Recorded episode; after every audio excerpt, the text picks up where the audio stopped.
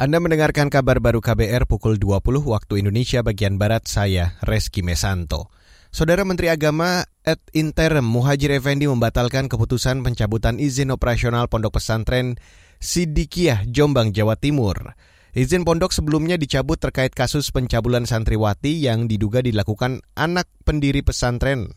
Muhajir mengatakan pencabutan izin dibatalkan karena kasus itu tidak menyangkut lembaga pesantren sebagai lembaga pendidikan.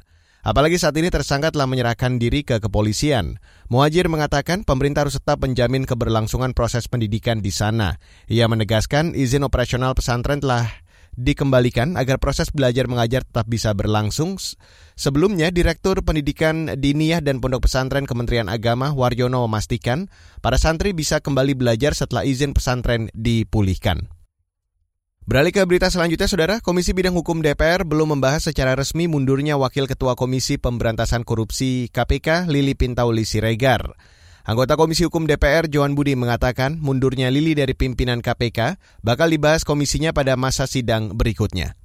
Sekarang kan lagi reses nih, jadi Komisi 3 belum membahas itu secara resmi gitu. Nanti kalau pas masuk masa sidang akan tentu akan dibahas berkaitan sama ini gitu. Karena sekarang kan mekanismenya itu berubah dibanding dengan yang dulu gitu. Yang menggunakan Undang-Undang 30 tahun 2002 yang dulu. Sekarang kan Undang-Undang KPK sudah direvisi ya. Anggota Komisi Hukum DPR Johan Budi mengatakan secara hukum perkara Lili ihwal dugaan penerimaan gratifikasi berada di ranah Dewan Pengawas.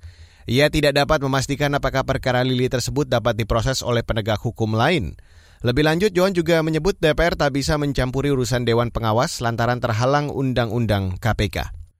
Saudara Menteri Pekerjaan Umum dan Perumahan Rakyat Basuki Hadi Mulyono menyebut ongkos pembenahan Provinsi DKI Jakarta lebih mahal dibandingkan biaya pembuatan ibu kota negara baru. Hal itu Basuki sampaikan usai menghadiri rapat di Istana Presiden. Hari ini, Menurutnya, DKI Jakarta terus mengalami penurunan permukaan tanah yang menyebabkan air di darat tidak bisa mengalir ke laut. Hal ini membutuhkan perbaikan besar dan dana yang juga besar agar permukaan tanah tidak amblas. Menteri Basuki Hadi Mulyono menjelaskan untuk mengantisipasi hal buruk terjadi, maka pemerintah membangun sejumlah waduk di sekitar Jakarta dan memindahkan sebagian penghuninya ke ibu kota negara.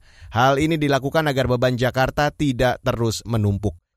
Terima kasih Anda sudah mendengarkan kabar baru yang dipersembahkan oleh kantor Berita Radio. Saya Reski Mesanto.